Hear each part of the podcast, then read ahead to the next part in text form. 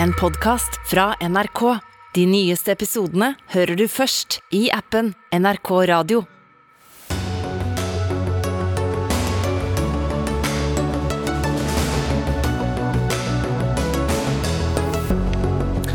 Regjeringen lover milliarder til strømtiltak, monner ikke, mener Frp. Regjeringen er både uforberedt og for sene med koronatiltakene, beklager KrF-lederen, mens Norge forbereder seg på langt strengere tiltak fra midnatt. Regjeringen innfører trafikklysmodellen for grunnskole og barnehager og ber kommunene avgjøre lysfargen. La skolene bestemme selv, mener Utdanningsforbundet.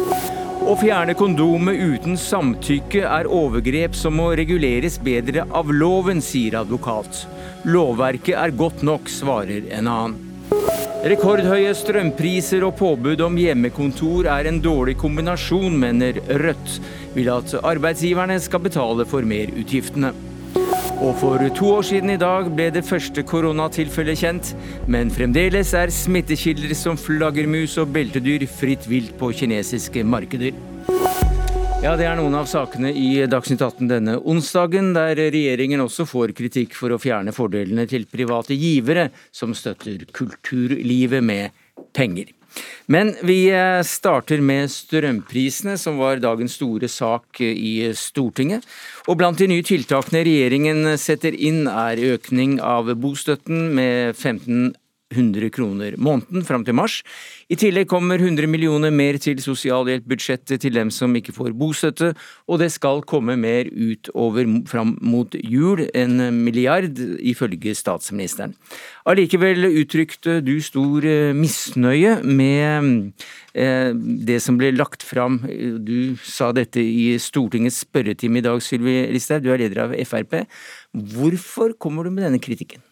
Det er fordi at bostøtta vil bare treffe under 100 000 husstander, og vi har over 2,5 millioner i Norge. Og det er klart det er langt flere enn de som mottar bostøtte, som nå er i en svært vanskelig situasjon. Jeg mottar så mye mailer nå fra folk som sitter og fryser. Folk som har 12-14 grader hjemme. De bruker dyne og pledd for å jeg skulle si, holde kulda ute. De sitter med boblejakke og fryser, og det de trenger er jo et svar på hvordan staten nå skal stille opp for å dekke de ekstraordinære utgiftene som de har. Og Det er veldig viktig at disse pengene kommer ut nå før jul, fordi at mange av disse både sliter med regningene sine og betaler dem, og ikke minst er bekymra for har jeg råd til å kjøpe julegave til barna og barnebarna mine. Har jeg råd til å kjøpe julemat? Har jeg råd til å ja, ha de selskapene og det som vi er vant til i jula? Det er mange som sliter når det er tøft der ute. Det måner ikke dette her, Bjørn Arild Gram, du er kommunal- og moderniseringsminister og Senterpartimann. Altså, jeg er jo enig i at vi er i en veldig krevende situasjon. Alle opplever nå eh, krevende tider med veldig høye strømpriser, og det er noe vi må ta på største alvor. Derfor så jobber vi med et bredt sett av tiltak for å møte dette her. Og Men hva sier du til den kritikken om at dette ikke monner? Ja, summen av tiltak monner. Eh, men det er altså en rekke tiltak som vi ønsker å sette inn. Vi har presentert noen av dem i dag. Eh, og Det er jo riktig at, at, at styrka bostøtte ikke når alle, men det er veldig viktig at vi når dem det gjelder. Det, det håper jeg at Sylvi Listhaug og Fremskrittspartiet er enig i. for altså dem som mottar bostøtte, har veldig krevende økonomi. og Derfor så er det og, og veldig rett at vi nå kommer ut målretta for å hjelpe dem som er blant dem som har det aller vanskeligst. Men det er også da langt flere som også da lurer på julepresanger og, og sitter og fryser, ifølge lista? Absolutt. Derfor så må vi òg i tillegg til det ha flere andre tiltak som når bredere ut til befolkningen. For det er mange som strever med høye strømkostnader nå. og om svært kort tid antakelig i morgen så vil det bli presentert ytre tiltak i betydelig omfang for å møte det. Ja, Det utrolige er jo at egentlig så har man hatt månedsvis på seg til å møte denne krisen. Det er jo ikke nå den er oppstått. Dette har vært et tema gjennom hele høsten. Det vi opplever regjering som verken svarte på det i statsbudsjettet, tilleggsinnstillinga som de la fram, eller i de forhandlingene som var med SV. Eh, og Fremskrittspartiet har fremma forslag på forslag. Vi har fremma forslag om å fjerne momsen, fjerne elavgifta, både i år og neste år. Vi har fremma forslag om å eh, betale ut 4000 kroner til alle husholdninger før jul, slik at man kan få en, en, si, en, avlastning der ute nå, de som virkelig sliter. Og Vi har også fremma forslag om at vi skal ta kontroll over kraftkablene, utenlandskablene, og sikre at vi ikke sitter nå og betaler prisen i Norge for en totalt feilslått klimapolitikk, som i realiteten er med på å gjøre prisene i Norge så dyr. Altså, det er jo fremma tiltak allerede fra før. og Det er også gitt forsterka bostøtte uh, i november, uh, som nådde ut til dem som mottar det. Regjeringa har jo lagt inn konkrete forslag om lettelse i elavgiften i milliardklassen for neste år. Fremskrittspartiet er jo i opposisjon veldig flink til å snakke om lettelse i avgifter, men faktum er at elavgifta økt betydelig i de årene hvor Fremskrittspartiet satt i regjering og hadde ansvaret, og hadde både finansminister og olje- og energiminister. Så, men regjeringa leverer, og elavgifta vil jo bli tilnærmet halvert nå i vintermånedene. Men det er jo bare en vits, rett og slett for at det er snakk om noen få øre. Mens det folk opplever, er jo at strømprisene øker med mange kroner. Så vi er jo i en helt ekstraordinær situasjon. og Det er derfor det er så rart at når staten nå får ekstrainntekter på opp mot 30 milliard kroner, så kommer man med smuler tilbake til de som sliter. Og, og de 30 millionene, milliarder kronene, det er da som, eh, som eh, pga. økte priser på Altså moms. Man håver inn moms, fordi at det er klart det er jo 25 på toppen toppen av det man betaler. Eh, man håver inn avgifter.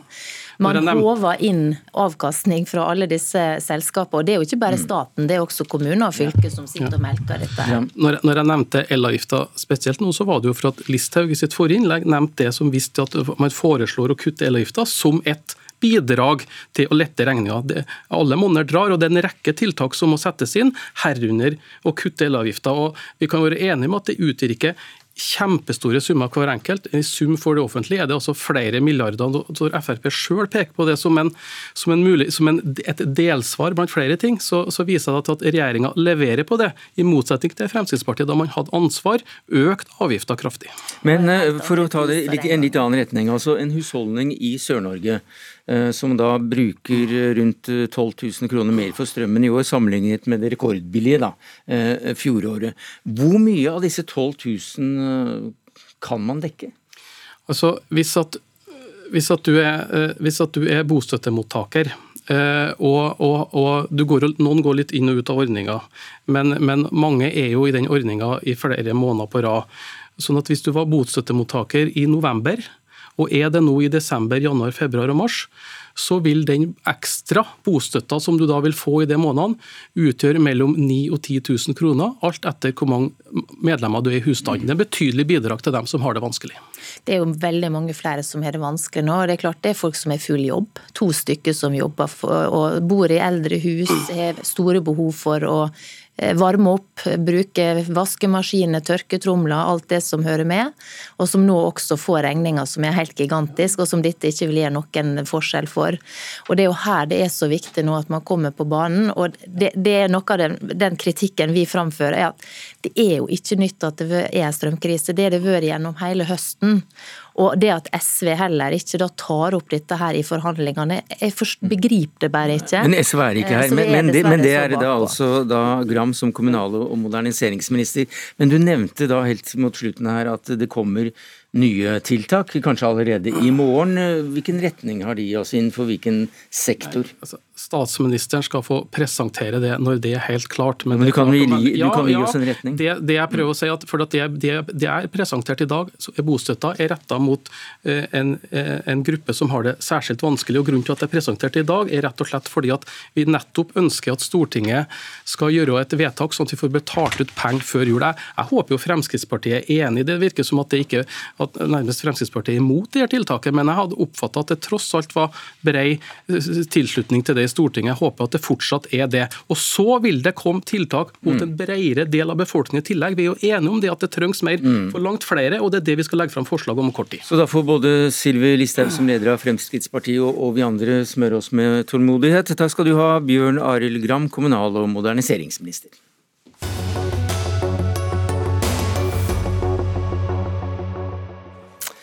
Økt bruk av hjemmekontor er en av tiltakene vi oppfordres til å etterfølge etterfølge. Og flere steder i landet er også lokale påbud eh, om det samme. Og I lys av de skyhøye strømprisene da, rundt omkring i landet, så ønsker nå Rødt at eh, man skal få gjennomslag for at arbeidsgiver skal betale for strømmen du bruker på hjemmekontor. Og Sofie Marhaug, du er stortingsrepresentant for Rødt og nestleder i energi- og miljøkomiteen. Hvordan skal dette ordnes? Eh, for det første så eh, må jeg bare understreke at dette er ikke Rødt sine strakstiltak mot de skyhøye strømprisene. Da foreslår vi å tilbakebetale noen av de eh, mange milliardene som staten får i økte inntekter. Det, det var altså debatten ja. i sted, ikke sant? men, men nå dette, da til dette hjemmekontoret. Mm, dette handler om at vi ser at stadig flere kostnader skyves over på arbeidsfolk. Nå er det mange som ikke har hjemmekontor av de, da, men de som har hjemmekontor, får en økt økonomisk belastning når de nå eh, må betale ekstra i strømregning fordi de må være hjemme fordi staten har sagt at eh, de må være hjemme. Eh, så da tar de den ekstra kostnaden, mens bedriftene sannsynligvis altså, jeg skal ikke si de sparer på det, men de taper ingenting i økte strømkostnader på det, i alle fall. Mm. Ja, Er det rettferdig dette, Trine Lise Sundnes, du er stortingsrepresentant i arbeids- og sosialkomiteen for Arbeiderpartiet, at, at når folk sendes hjem på hjemmekontor, ja, så sendes regningen til samme adressen? Nei, altså den, den gode nyheten til Rødt her, da, eh, er jo at eh, I denne saken så har jo EU ordnet opp dette for 19 år siden, den gangen rådet gikk til arbeidslivets parter på europeisk nivå og ba de om, eh, og spurte de om kan dere tenke dere å forhandle fram en rammeavtale om hjemmearbeid. Og sånn er det jo når man skal utforme direktiver. Først så går man til arbeidslivets parter når det handler om arbeidslivsområdet, og så spør man er dette noe dere kan bli enige om? I dette tilfellet så sa de ja, det er det. Eh, og den avtalen eh, ble et faktum i 2001. Eh, LO og NHO fulgte opp dette i 2005 som en del av EØS-avtalen, og det ble også tatt inn i forskrift. Eh, også da på oppfordring av å få dette på plass. Ja, så, er... så, det betyr da at dette er allerede i orden, Sofie Marhaug?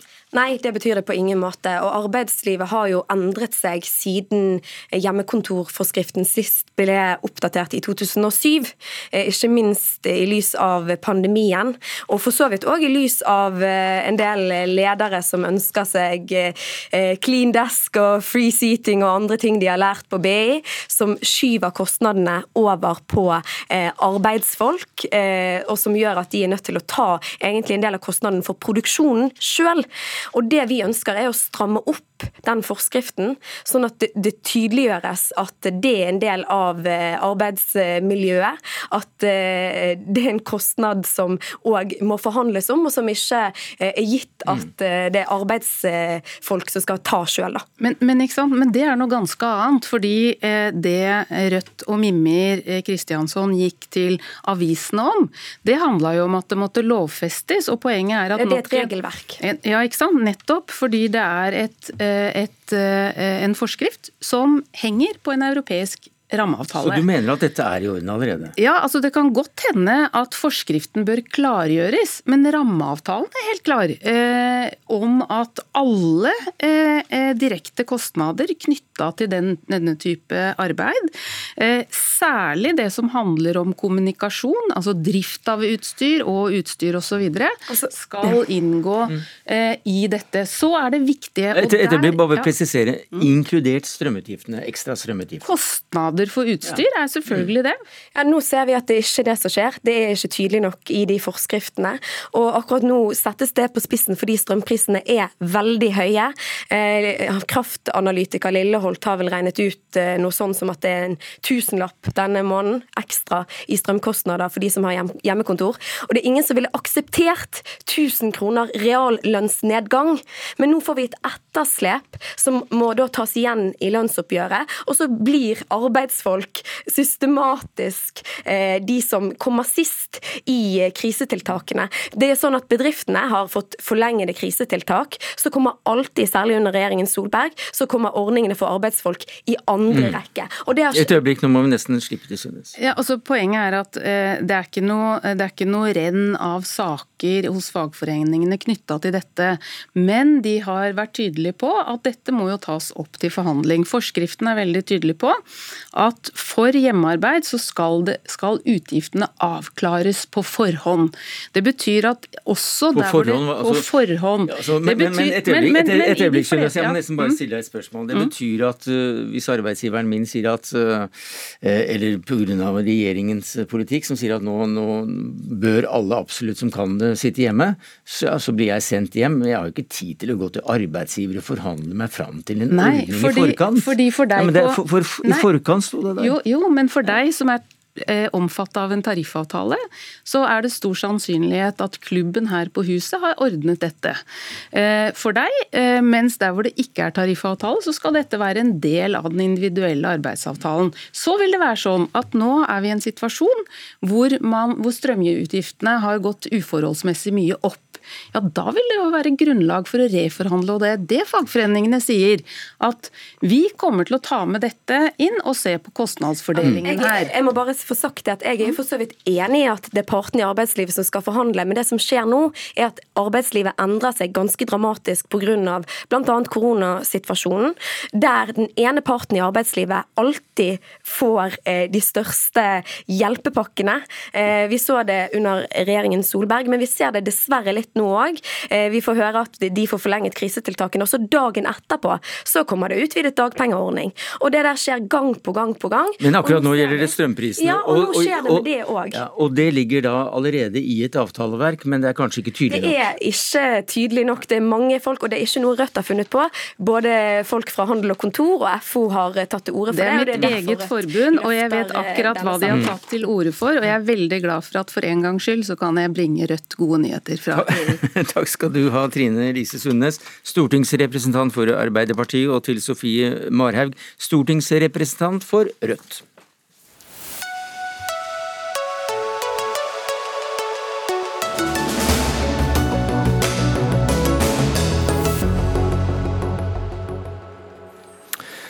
Ja, i går besluttet altså regjeringen eh, flere tiltak som har med med um, koronavirksomheten å gjøre rundt omkring i samfunnet vårt.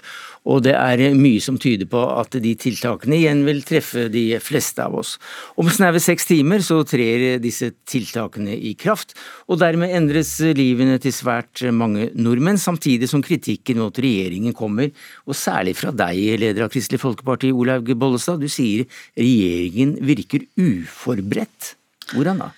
Ja, For det første så er jeg jo glad og kan si til Ingvild Kjerkol at jeg er jo glad for at disse tiltakene kom. Eh, men for meg så blir det sånn, og for KrF, og jeg tror for folk ute For ei uke siden så sa Ingvild Kjerkol at hun ikke ønsker å være koronastatsråd. Hun ønsker ikke å være festbremser. Hun ønsker ikke å bruke munnbind, for det var forholdsmessig eh, ikke eh, nødvendig. Og så går det ei uke, og så en, griper en inn både med å få munnbind avstand, som er enkle tiltak og viktige tiltak. Vi vet det er det som gjerne reduserer smitten mest. Eh, og så eh, skal en gå inn og gripe inn noe i julen til folk. Og jeg, jeg støtter tiltakene, jeg har lyst til å si det, men jeg syns det går veldig kort tid med veldig forskjellige eh, beskjeder. Og det syns jeg virker både krevende for oss som skal fylle dem, og ikke minst også befolkningen som ikke sitter så tett på. Og det var min kritikk til mm. dette. Dette må du svare på, helse- og omsorgsminister Ingvild Kjerkol. Ja, det skal jeg gjøre. Først så syns jeg det er en litt ugrei gjengivelse av, at, uh, av et VG-intervju, må det vel være, Bollestad, mm -hmm. hvor eh, det var et sitat om at jeg ville være helseminister. Mm -hmm. Ja, og en helseminister har ansvar når landet står i en pandemi. Så det var jo det Men det sto jo òg at du ikke vil være koronastatsråd. Det står det. Ja, og det å være helseminister, mm. det betyr at man tar det ansvaret man får. Og når smitten er høy, så står helsetjenesten i en situasjon hvor de må prioritere andre pasienter eh, opp imot det å ha en beredskap for å ta imot flere koronapasienter pasienter. Nå har vi hatt en økende smittetrend gjennom hele høsten. Da vi tok over for åtte uker siden, så var det en strategi for pandemihåndteringa som pekte mot gjenåpning av samfunnet. Den var ikke lenger formålstjenlig etter hvert som smittetallene økte. Eh, det betydde at kommunene hadde nedskalert deler av pandemihåndteringa si. Det måtte vi snu ganske fort. Og for uke, uke, for uke så har smittetallene økt, og så har vi fått denne nye varianten på toppen, som er veldig smittsom. Så vi fikk veldig klare anbefalinger om å iverksette de tiltakene som trer i kraft fra midnatt i dag, for å redusere kontakt og dermed også forebygge flere innleggelser. Ja, og jeg er jo som jeg sier, enig i de tiltakene.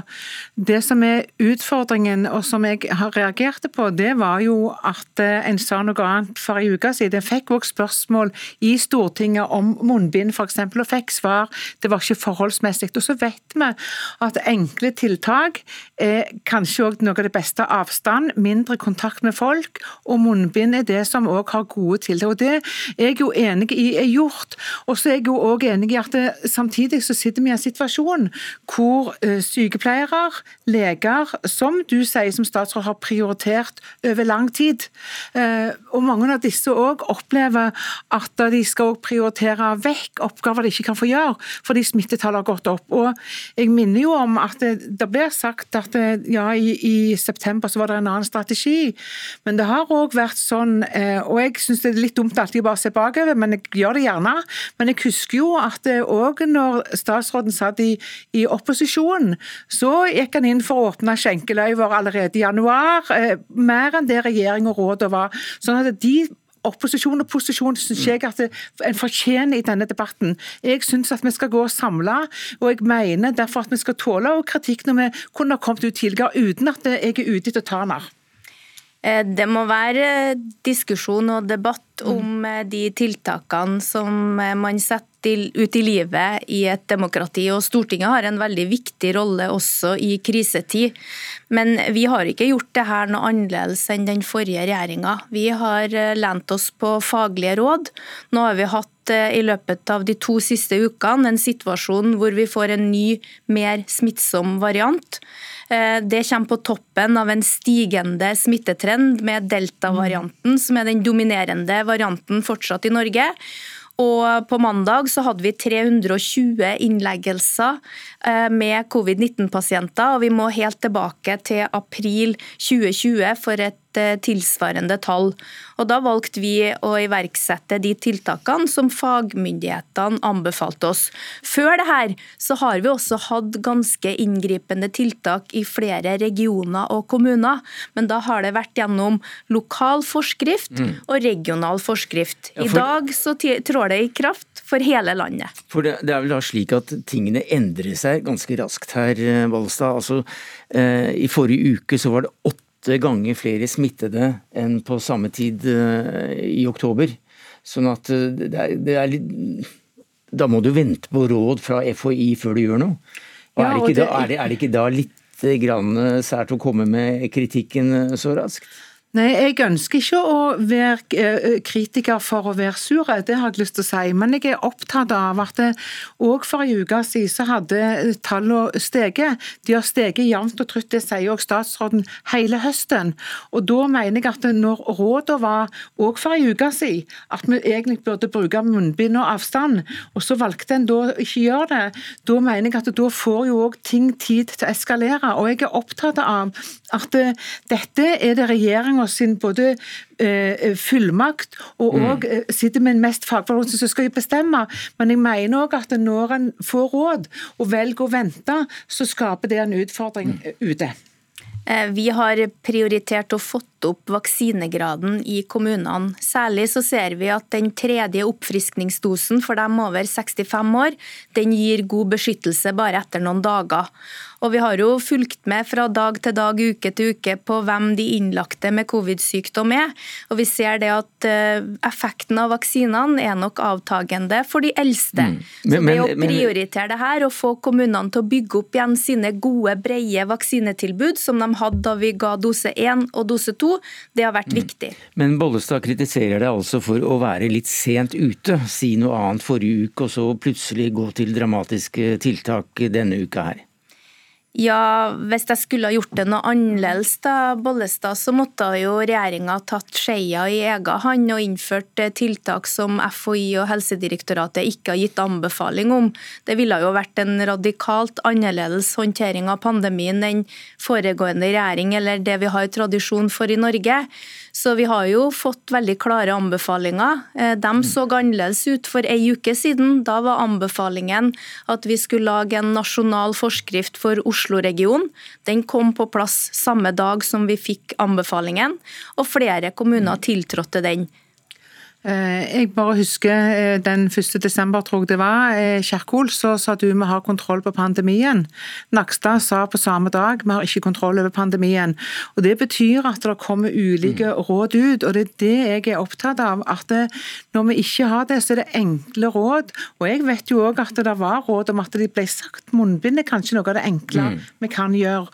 Og så er jeg glad for at det kom nå. Jeg få et svar på dette. Ja, jeg forventer at når Bollestad bruker sitater, så er hun redelig i gjengivelsen av de sitatene.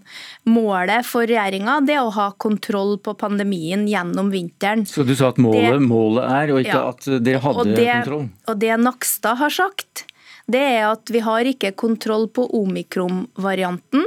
Det har også jeg sagt. Så det å fremstille som at det er et stort sprik mellom hva regjeringa sier og det helsemyndighetene gjennom Helsedirektoratet sier, det syns jeg faktisk er en feil framstilling.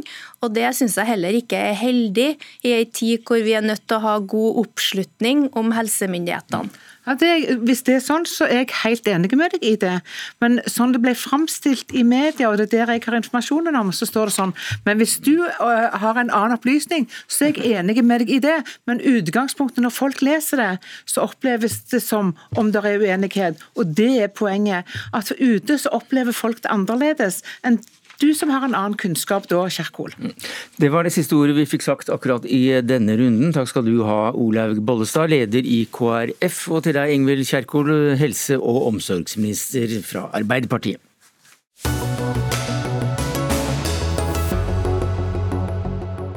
Ja, Fra nyttår så blir eh, gaveforsterkningsordningen for kunst- og kulturmål uh, avviklet.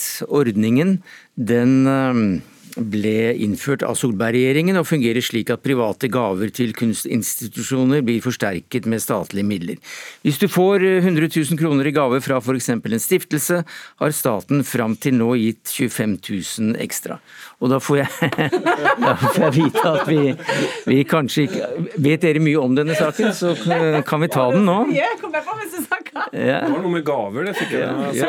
Det er vi for. Men, det er vi for. Men jeg skal gi deg den milde gaven å gå inn eh, på noe annet som har med, med Tonje Brenna og Steffen Handal eh, å gjøre. Velkommen i studio. Takk for det. Skal vi da gå over til å, å snakke om strengere smitteverntiltak i skolene, og hvem som egentlig bør avgjøre dette med med hvilket lys i trafikklysmodellen som skal gjelde. For i går så besluttet regjeringen å åpne opp for strengere smitteverntiltak i skolene.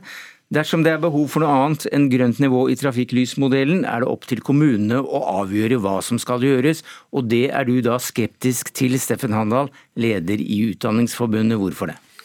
Vi har to kriser. Det ene er koronapandemien og hvordan vi skal håndtere smittevern og i det hele tatt holde på med det. Den andre krisen det er en bemanningskrise. Den er så prekær enkelte steder at vi har sett at skoler og barnehager har faktisk blitt stengt ned.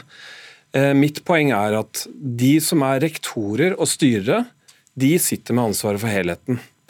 Det er sånn at Smittevernreglene og smitteverntiltaksnivået det bør avgjøres av kommuneoverlegen. Men en, en rektor eller en styrer må ta flere hensyn enn det. Og Mitt poeng er hvis du har en skole eller en barnehage med 65% sykefravær i løpet av en uke, da må du kunne redusere tilbudet noe, nettopp for ikke å slite ut de som er igjen på jobb, mm. sånn at skoler og barnehager totalt sett blir stengt ned. Det er det vi må unngå for alt i verden. Så det er altså der skoen trykker, det er de som da må også få ta avgjørelsen. Hva sier du til det, Tonje Brenna, du er kunnskapsminister? Dette er jo egentlig to litt uh, ulike debatter. For å ta dette med smitte og koronasituasjonen først. Så... Nei, det er det. For det dreier seg vel om hvem som skal bestemme på hvilket nivå. Om det skal være det kommunale nivået som bestemmer om en skole skal innføre grønt eller, eller gult uh, lys, eller om det er skolen selv. Ja, men jeg oppfatter vel at det Utdanningsforbundet trekker opp av de to forskjellige diskusjonene som fusjoneres nå i dette studio, mm. er litt to forskjellige ting. fordi det ene handler om smittevern tiltak og hvilket nivå man legger seg på. Der er det jo smittevernhensyn eh, og smittefaglige vurderinger som ligger til grunn. De er det kommunelegen som rår over, det er vi enige om. Så er jo det eh, Utdanningsforbundet etterlyser en større mulighet til lokalt på den enkelte skole å si at nå har vi f.eks. så høyt sykefravær at vi må gjøre endringer i måten vi driver skole på. Der er jo eh, retten til å være til stede på skole og barnehage er veldig sterk for norske barn. Det er en bra ting. Eh, og den enkelte skoleeier og den enkelte skole må jo ha beredskap for å ha eh, nok vikarer og sånn. Så skjønner jeg at med eh, korona, med influensa, med forkjølelse, med også lærere og ansatte i skole og barnehage som har syke unger sjøl, at det er en del sykefravær nå, og at det har vært tøft over tid å stå i den situasjonen. Men å dermed gjøre det enklere å stenge skoler. Det er veldig skeptisk til, rett og slett fordi at eh, det er et mål at barn og unge skal være mest mulig til stede på skolen. Eh, og at man kan ikke eh, gjennom å si at dette har noe med korona å gjøre, bruke anledningen til mm. å ha kortere dager eller mindre nærvær på skolen. Da. Det som jeg syns er vanskelig med den posisjonen regjeringen her har valgt, er at man på den ene siden sier at man vil skjerme barn og unge. Det er bra, vi er enige. Vi bør holde skoler og barnehager åpne så mye som mulig. Men for å klare det, så må vi ta hensyn til kapasiteten. Og når skoler har et så høyt sykefravær som de har nå, over lang tid. Det er en vanvittig usikker situasjon å stå i. Jeg frykter at vi kan få langtidssykefravær hvis dette fortsetter. Og Vi sier ikke dette fordi vi mener at det er en enkel avgjørelse for en rektor eller en styrer å ta å redusere tilbudet. Tvert imot. Vi har advart mot dette tiltaket tidligere nettopp fordi at det er en veldig krevende avgjørelse å ta. Men det er nødvendig nå. Og jeg skjønner ikke at vi skal gå oss bort i prinsipielle diskusjoner her. Dette handler faktisk om å få hjulene til å gå rundt. Men det har vel noe med tillit å gjøre òg? Uh, hvorfor skal vi ha tillit til at enhver styrer vet hva som er best, når vi har politikere som skal styre dette her? Nå har vi vært gjennom uh, snart to år med pandemi. Og uh, statsråden vet like godt som meg at vi i Norge har klart å holde skoler og barnehager åpne nesten mer enn noe annet land. Eh, vi snakker her om en profesjon som faktisk har tatt et enormt ansvar og strukket seg helt utrolig langt, nettopp for å tilby barn og unge det opplæringstilbudet de har krav på. Vi mm. må ha tillit til at rektorer og styrere kjenner sin besøkelsestid der og tar de rette avgjørelsene. Men jeg tror at eh, det er flere ting vi kan gjøre her. Da. og I den situasjonen vi står i akkurat nå, så er jo en av de viktige grepene er at eh, kommuner får kompensert for overtid og vikarbruk. Det tror jeg har vært viktig å si helt tydelig overfor kommunene, sånn at ingen holder igjen fordi de er redd for ikke å få det igjen fra staten. Det andre er at eh, vi har bestemt fra regjeringens side at studenter som jobber i skole og barnehage, de får ikke avkorting på studielånet hvis de tjener mer enn det du har lov til gjennom Lånekassen, så det er ett grep. Et annet grep er å si at pensjonister som er pensjonerte lærere kan gå på jobb og ikke få mm. avkorting av pensjon og fortsatt tjene penger. Så vi prøver å bøte på den akutte situasjonen. Og jeg er sikker på at for, for, Forbundet er veldig glad for det. Ja. Men, men, men, men det var, det hvis jeg får lov til å svare på det som er litt lenger. Ja, ja, fordi at jeg spurte nemlig om dette med tilliten til mm. rektorer. Mm. Hvis dere har god tillit til at det er der skolen trykker, at bestemmelsen må komme, at det er rektorene som er disse problemene nærmest, hvorfor overlater dere da ikke dette, denne vanskelige avgjørelsen til dem, men, men gir dette til det kommunale nivået? Ja, men det her jeg mener vi diskuterer litt to ulike ting. fordi med smittevernbegrunnelse så er det de smittefaglige vurderingene som ligger til grunn for hvilket tiltaksnivå vi har på skole og barnehage. Det er den ene bagen.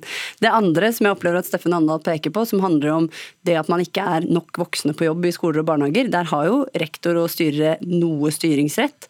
Men til det så mener jeg jo vi må være tydelige på to ting. Det ene er at man må ha en vikarberedskap. Det vet jeg er krevende nå.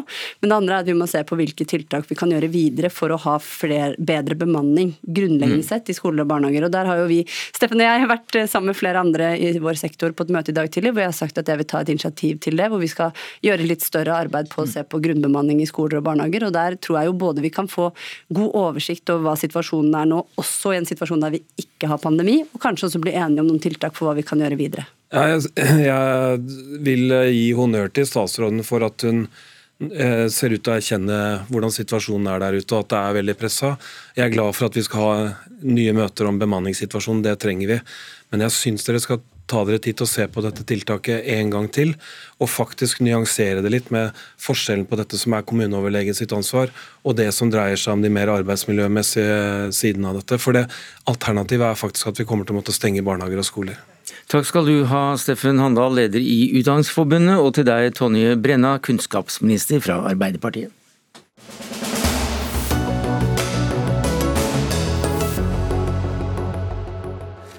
Og Da skal vi over til denne gaveforsterkningsordningen, som også er oppe til debatt her i Dagsnytt 18. Andre gang jeg leser denne introduksjonen. Velkommen skal dere være også, Tage Pettersen og Odin Alsten Evnen Boman.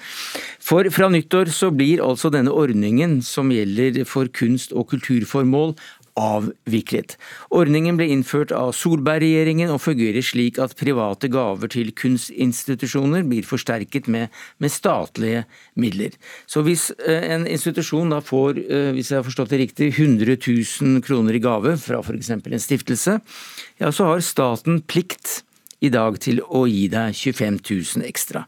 Og Tage Pettersen, du er kulturpolitisk talsperson i Høyre, og du er blant dem som er kritiske til at denne ordningen avvikles. Hvorfor det?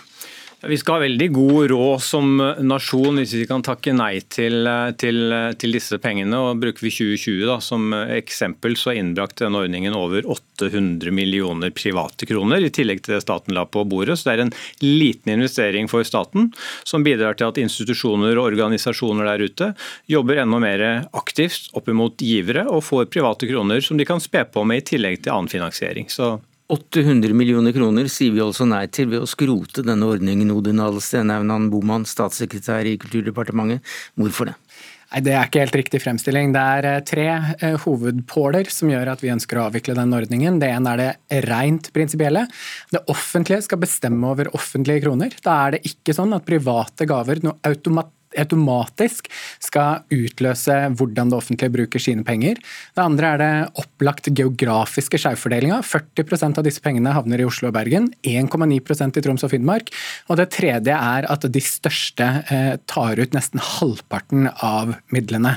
Eh, så størst er ikke alltid best. Vi mener at vi må løfte hele kulturfeltet og lage ordninger som treffer hele kulturlivet. Og Det er jeg helt enig i. og, og Siden ordningen ble innført, så er det drøyt 2500 små og store tiltak over hele landet som har fått, uh, fått, midler gjennom ordningen. Så er det selvfølgelig helt riktig at Oslo og Vestlandet er de regionene som får mest penger ut av den ordningen, for det er der det ligger flest institusjoner. Det er også de som får mest penger ut av de statlige ordningene, bare sånn at det, det er sagt. Men, men, men, men, både Agder og Innlandet kommer jo på tredje- og fjerdeplass hvis vi ser hvor mye penger dette innbringer per, per, per innbygger. Uh, og Jeg syns jo at, at, ideologien skal trumfe viljen og muligheten til å få private gaver og bidrag der ute, syns jeg er veldig synd. fordi Regjeringen har sagt at de skal kompensere selvfølgelig den delen som, som staten bidrar med, og bruke den inn mot kulturen. Men, men de store summene her de kommer jo fra de private. og Det er klart det blir et, et minusregnestykke for institusjonene. Her er det jo sånn at det er noen som taper dobbelt. Majoriteten av kulturlivet i Norge får ikke gaver. Ergo får de ikke gaver. Tap nummer én.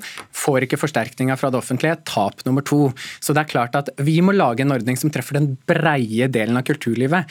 Og det er mange ordninger innenfor kulturdelen på tippenøkkelen i dag som gjør det. F.eks. så er det Frifond, som finansierer alle landets ungdomsklubber. Og vet du hva snittet på et driftsbudsjett på en fritidsklubb i Norge er? Det er altså 75 000 kroner til arrangementer og tiltak som man kan eh, fylle en fritidsklubb med innhold. Det treffer langt bedre den gemene hop av det kulturlivet i Norge enn det de store, tunge institusjonene med titalls millioner i omløp Det er ingen, ingen som er uenig i denne politikken. Vi bruker altså drøyt 20 milliarder over kulturbudsjettet, og det er vi enige om. Dette skal treffe de, de, brede, de brede tiltakene, men det bør jo ikke være en begrensning for at vi i tillegg skal ha ordninger som bidrar til at også både institusjonene og giverne har lyst til å bidra med privatpenger. Det er jo ikke bare det at dere legger ned gaveforsterkningsordningen, dere halverer jo også skattefradraget i gaver som et annet incitament, som frivilligheten selv beregner til 400 millioner bortfall av private kroner. Og det er klart at Dette er jo rett og slett eh, å bidra til å stikke kjepper i hjula for hver eneste private krone inn i kultur og, og, frivillighet. Altså Når jeg hører nå, så høres det ut som penger vokser på trær, fordi det er ikke sånn det er. Det er. Disse 70 millioner kronene de kan definitivt brukes på en bedre måte. Eh, fritidsklubbene er en måte, eh, en måte, å gjøre det på eh, via Frifond. En annen måte å gjøre det på er kulturrom, som sikrer eh, gode øvingslokaler rundt omkring i det ganske land. Det tredje som ligger innafor samme, er å finansiere instrumenter til skolekorps. 176 skolekorps fikk nei på den eh, og den, de konkurrerer om akkurat akkurat de samme pengene som det gaveforsterkningen mm. men, men Pettersen, øh, det er altså slik at det offentlige er pliktig til å betale 25% øh, av det private givere som stiftelser som, tilfreds, som tilfredsstiller sett med kriterier som er lagt til grunn, ja, selvfølgelig. Og som er ganske strenge. Ja. Men hvorfor kan ikke private stiftelser uansett gi, da? Så vil det bli slik at de trekker seg, tror du? Jo da, det, det bør det jo absolutt gi. og Jeg oppfordrer hver eneste som har lyst til å satse på, på kultur og frivillighet til å være med og, og bidra. Men vi ser jo det at begge disse to ordningene, både gave gaveforsterkningsordningen og skattefradraget har bidratt til at gaven har blitt større og flere, og også fra flere ulike hold. Eh, stiftelse er jo bare én ting, men også privatpersoner, næringsdrivende som, som bidrar her. Eh, og det er klart at Når man da river bort ordningene, så vil det også garantert bidra til at, at giverne, en del av de vil forsvinne. Boman rister på Ja, nei, Det er ingen fakta eller statistikk som kan bevise at gaveforsterkningsordningen gjør at private gir mer i gaver. Tvert imot så må vi lage ordninger nå som treffer det breie delen av kulturfrivilligheten. Og da er det sånn at Innenfor gaveforsterkningsordningen som treffer den noen få, den treffer de største og den treffer storbyene. Det er Arbeiderpartiet og Senterpartiet uenig i, fordi vi mener at vi må lage ordninger som treffer hver eneste kommune, og treffer de ungdommene og de unge som faktisk har et behov for en rik fritid. Ungdommene på fritidsklubbene de har behov for mm. disse pengene. Senest i dag så var Fortidsminneforeningen ute i Vårt Land og snakket om deres prosjekt Urnes stavkirke som et eksempel i Bygde-Norge som får masse penger fra gaveforsterkningsordningen. Derfor så er de også særdeles kritiske til at regjeringen legger det ned. Akkurat som både Sykehusklovnen og Museumsforbundet også var i, i valgkampen, for å trekke frem to andre. Når, altså, det er få dager siden jeg møtte Museumsforbundet, og det er interessant at du tar opp det. fordi at Hvis det er noe den høyreregjeringa høyre faktisk har gjort, så er det å tappe museene for penger hvert eneste eneste år via å ikke kompensere lønns- og prisvekst. Fordi man har innført en reform som heter ABE-reformen, og det er det Museumsforbundet roper om at vi skal avvikle. Det og det lover vi at vi skal gjøre. Det er en annen skål. Takk skal du ha, Tage Pettersen, kulturpolitisk talsperson i Høyre, og til deg, Odin Alstein Aunan Boman, statssekretær i Kulturdepartementet.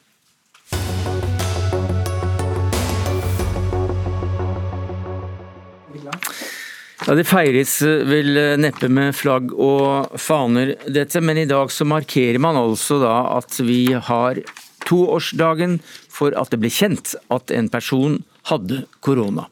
Den såkalte pasient null. Og siden den gang har jakten på kilden bare økt i, eh, i omfang, og mange peker jo selvfølgelig da mot Kina som stedet der det hele startet igjen, nærmere bestemt de såkalte våtmarkedene igjen. Steng dem, sa Trumps utenriksminister. Det samme sier USAs smittevernsjef. Harald Bøckmann, du er tidligere forsker ved Senter for utvikling og miljø ved Universitetet i Oslo, og du har Kina som spesiale. Hvordan forholder den kinesiske ledelsen seg til dette i dag?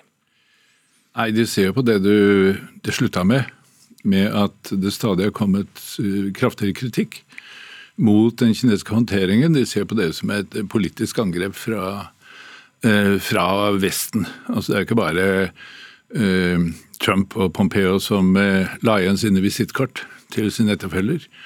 Men det er også EU, det er Australia og diverse andre. Så det er, det er en ideologisk krig, rett og slett, som da har denne pandemien som, som basis. Men jeg må rette én ting på det, for du, du kalte denne, denne 9. eller 8. 9. desember identifiseringen for pasient null, men pasient null er ikke funnet.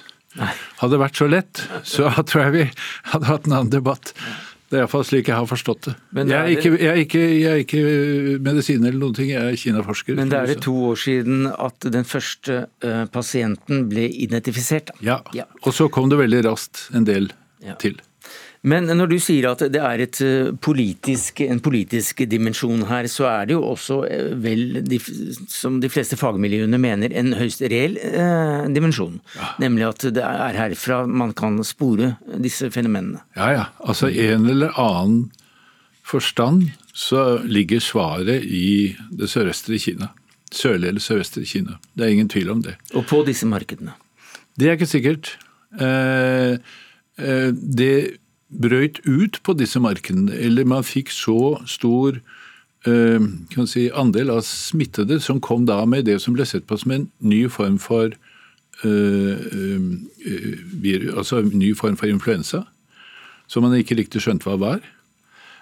Men hvor den kom fra, det vet man fremdeles ikke. Men har da ledelsen i Kina, både på kommunalt, regionalt og nasjonalt nivå, bare sittet med hendene i fanget, eller har man faktisk gjort noe? Ja, de har gjort veldig mye, men problemet var at de, de, satt, de, har, de har ikke sittet med hendene i fanget, men problemet var at de første to-tre ukene da de var klar over at dette var noe helt nytt, og det tok da tre dager av de fremste virologene i Wuhan, der hvor det også ligger Kinas mest framskredne virologiske institutt. Det tok dem tre dager å analysere sekvensen av denne nye. Da skjønte de at de hadde noe helt nytt. Men så kommer da lokale myndighetene, da kommer denne, eller provinsmyndighetene. Da, da slår de til med disse nærmest sånne betinget refleks, som at da prøver de å dysse den ned. Fordi å rapportere dårlige nyheter til Peking, det er ikke bra. Det betyr at da har de ikke styrt sånn som de skulle. Så dette tok to til tre uker før man skjønte at her er det noe helt nytt, det må gjøres noe. Og så ble sentralmyndighetene klar over at eh, gjennom å sende grupper ned, at de sto overfor noe nytt, og at noe måtte gjøres. Men det var vel ikke før to uker inn i januar at uh, Verdens helseorganisasjon ble informert om dette. Mm. Da var viruset allerede spredd til Thailand, USA og Japan. Så da har vi det gående. Men etter det, da. Hva har den kinesiske ledelsen gjort? Du skrev at man har jo faktisk både brukt retorikk og, og, og en hard hånd. Man brukte en veldig hard hånd, og det er jo ganske kjent. Men de er også ganske effektive. Det er klart. Og særlig, de brukte kommunistpartiet. Kommunistpartiet har 90 millioner mennesker, disiplinerte, motiverte mennesker, som gikk inn for å, for å styre dette og si, iverksette de tiltakene som myndighetene satte i gang. Blant, blant annet å fjerne akkurat en del dyr fra disse markedene, eller gjøre om på på markedsplassene? Ja, Det er jo en del av det si, store bildet som er felles for hele Kina. At uh, de såkalte våtmarkedene, som egentlig er uh, både grønnsak, uh, fisk, kjøtt, i motsetning til tørrmat. Det er liksom forskjellen der som er litt forvirrende, for det er ikke bare vått. Men, men de har da historisk sett og så mange turister som er til Kina, de blir gjerne dratt gjennom disse markedene fordi de er så eksotiske. Men de er også kan du si, ganske så urenslig, en del av dem. Men har man da stengt markeder og, og innført faktisk restriksjoner? Der gikk også Xi Jinping sjøl. I mars i fjor gikk han hardt ut. Og, fordi lovgivningen har vært utilstrekkelig.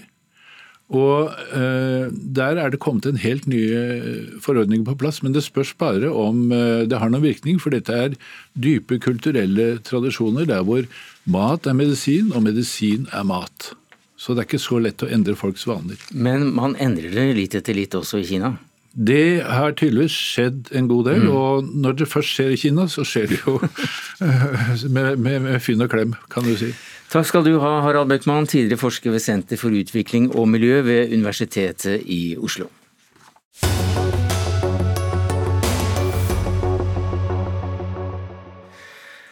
Ja, Flere av våre naboland som eh, Sverige, Danmark og Island eh, har lover som definerer voldtekt som sex uten samtykke. Men hva skjer da når premisset som eh, opprinnelig lå til grunn for dette samtykket blir fjernet underveis. Stealthing eller stalthing, eller at kondomer fjernes uten samtykke, ja det er noe som du, Oda Okkenhaug, problematiserte i en kommentar, eh, kommentar i Trønderdebatt her om dagen. Hva er det som er så problematisk ved dette fenomenet? Stelting, da, for å først forklare selve fenomenet, det er jo da at eh, to personer blir enige om å ha beskytta sex. Eh, og så under akten da, eh, så tar den ene parten av kondomet uten å si fra til den andre parten, som da vil si at eh, den ene, ofte jenta, ikke er klar over at hun har ubeskytta sex, og blir da utsatt for eller i hvert fall risikerer da, å bli smitta av kjønnssykdommer, men òg bli ufrivillig gravid. Så det er ganske store konsekvenser for den parten det går utover, i tillegg da, til å være en psykisk belastning. Og jeg tenker jo òg at, eh, at, stelting er et um, altså Det er et problem, da, et samfunnsproblem som burde ha blitt straffa som et seksuelt overgrep i norsk lov. Mm. For Du skriver også at det er problematisk at stelting som fenomen ikke er kjent i Norge. Mm. Hvorfor det?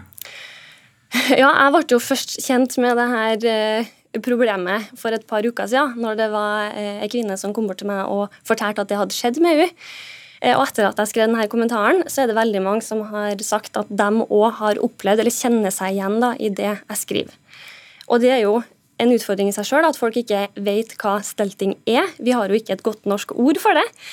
Um, og så er det jo um, Ja, det at vi ikke kan, ikke kan snakke ordentlig om det, da.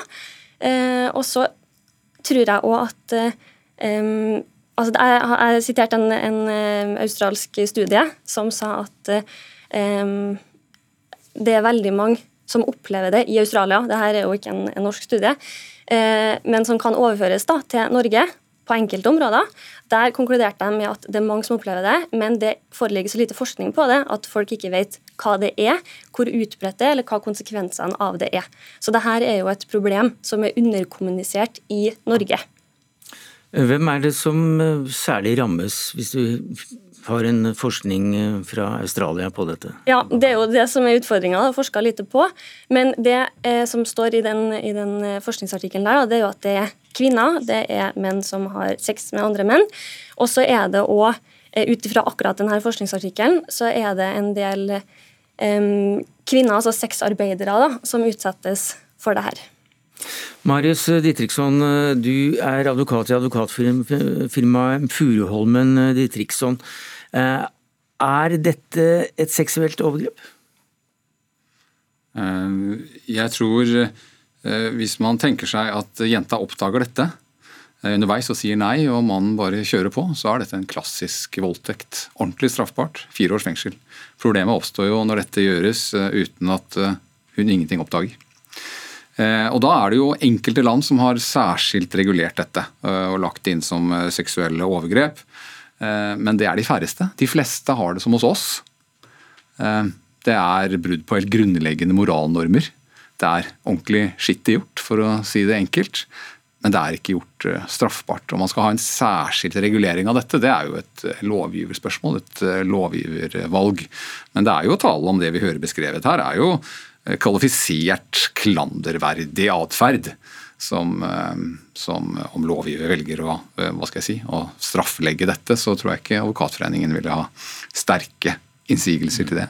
Men i dag så er det altså da ikke straffbart, mener Ditriksson. Hege Salomon, du er advokat og partner i advokatfirmaet Salomon Johansen. Eh, mener du at dette er et eksempel på seksuelt overgrep?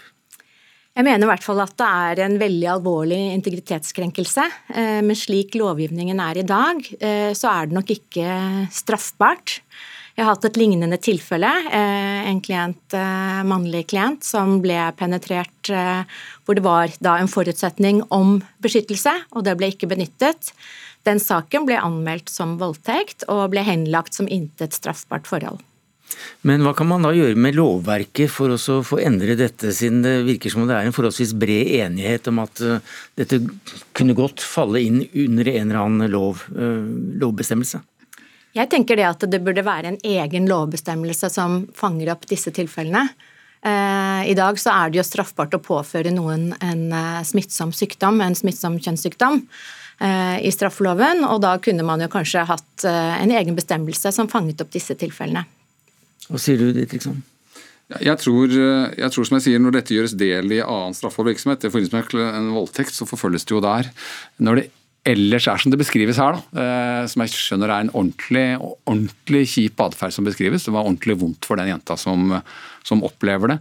Om det skal straffelegges særskilt av lovgiver, det tror jeg de må vurdere selv. Men jeg tror allerede nå vi har ikke en egen bestemmelse mot dette i Norge, men allerede nå er det slik at det tilfellet der kan hende rammes av eksisterende lovgivning. Vi har jo lovgivning som, som advokat Salomon her var inne på, nemlig at, eh, at hvis man har ubeskyttet sex utsetter noen for smittefare, så kan det etter omstendighetene rammes av, av, straffeloven. Men det er jo andre aspekter ved den handlingen som ikke bare relaterer seg til smittefare. F.eks. at man påfører noen risiko for å bli gravide, og kanskje bli gravide. Mm.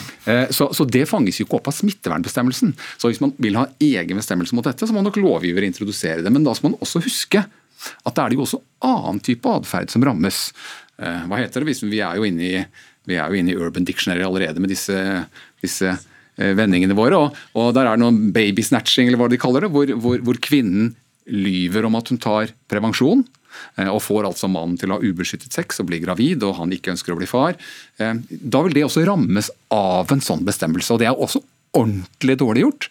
Men jeg, jeg tror lovgiver må ta stilling til om det er dette de vil inn og lovregulere. Ja, jeg mener absolutt at det bør eh, lovreguleres, eh, slik at uh, potensielle ofre for dette får en, et rettsvern. Og Det er jo mye annet som er lovregulert òg. Det er jo straffbart med blotting og klapse noen på baken f.eks.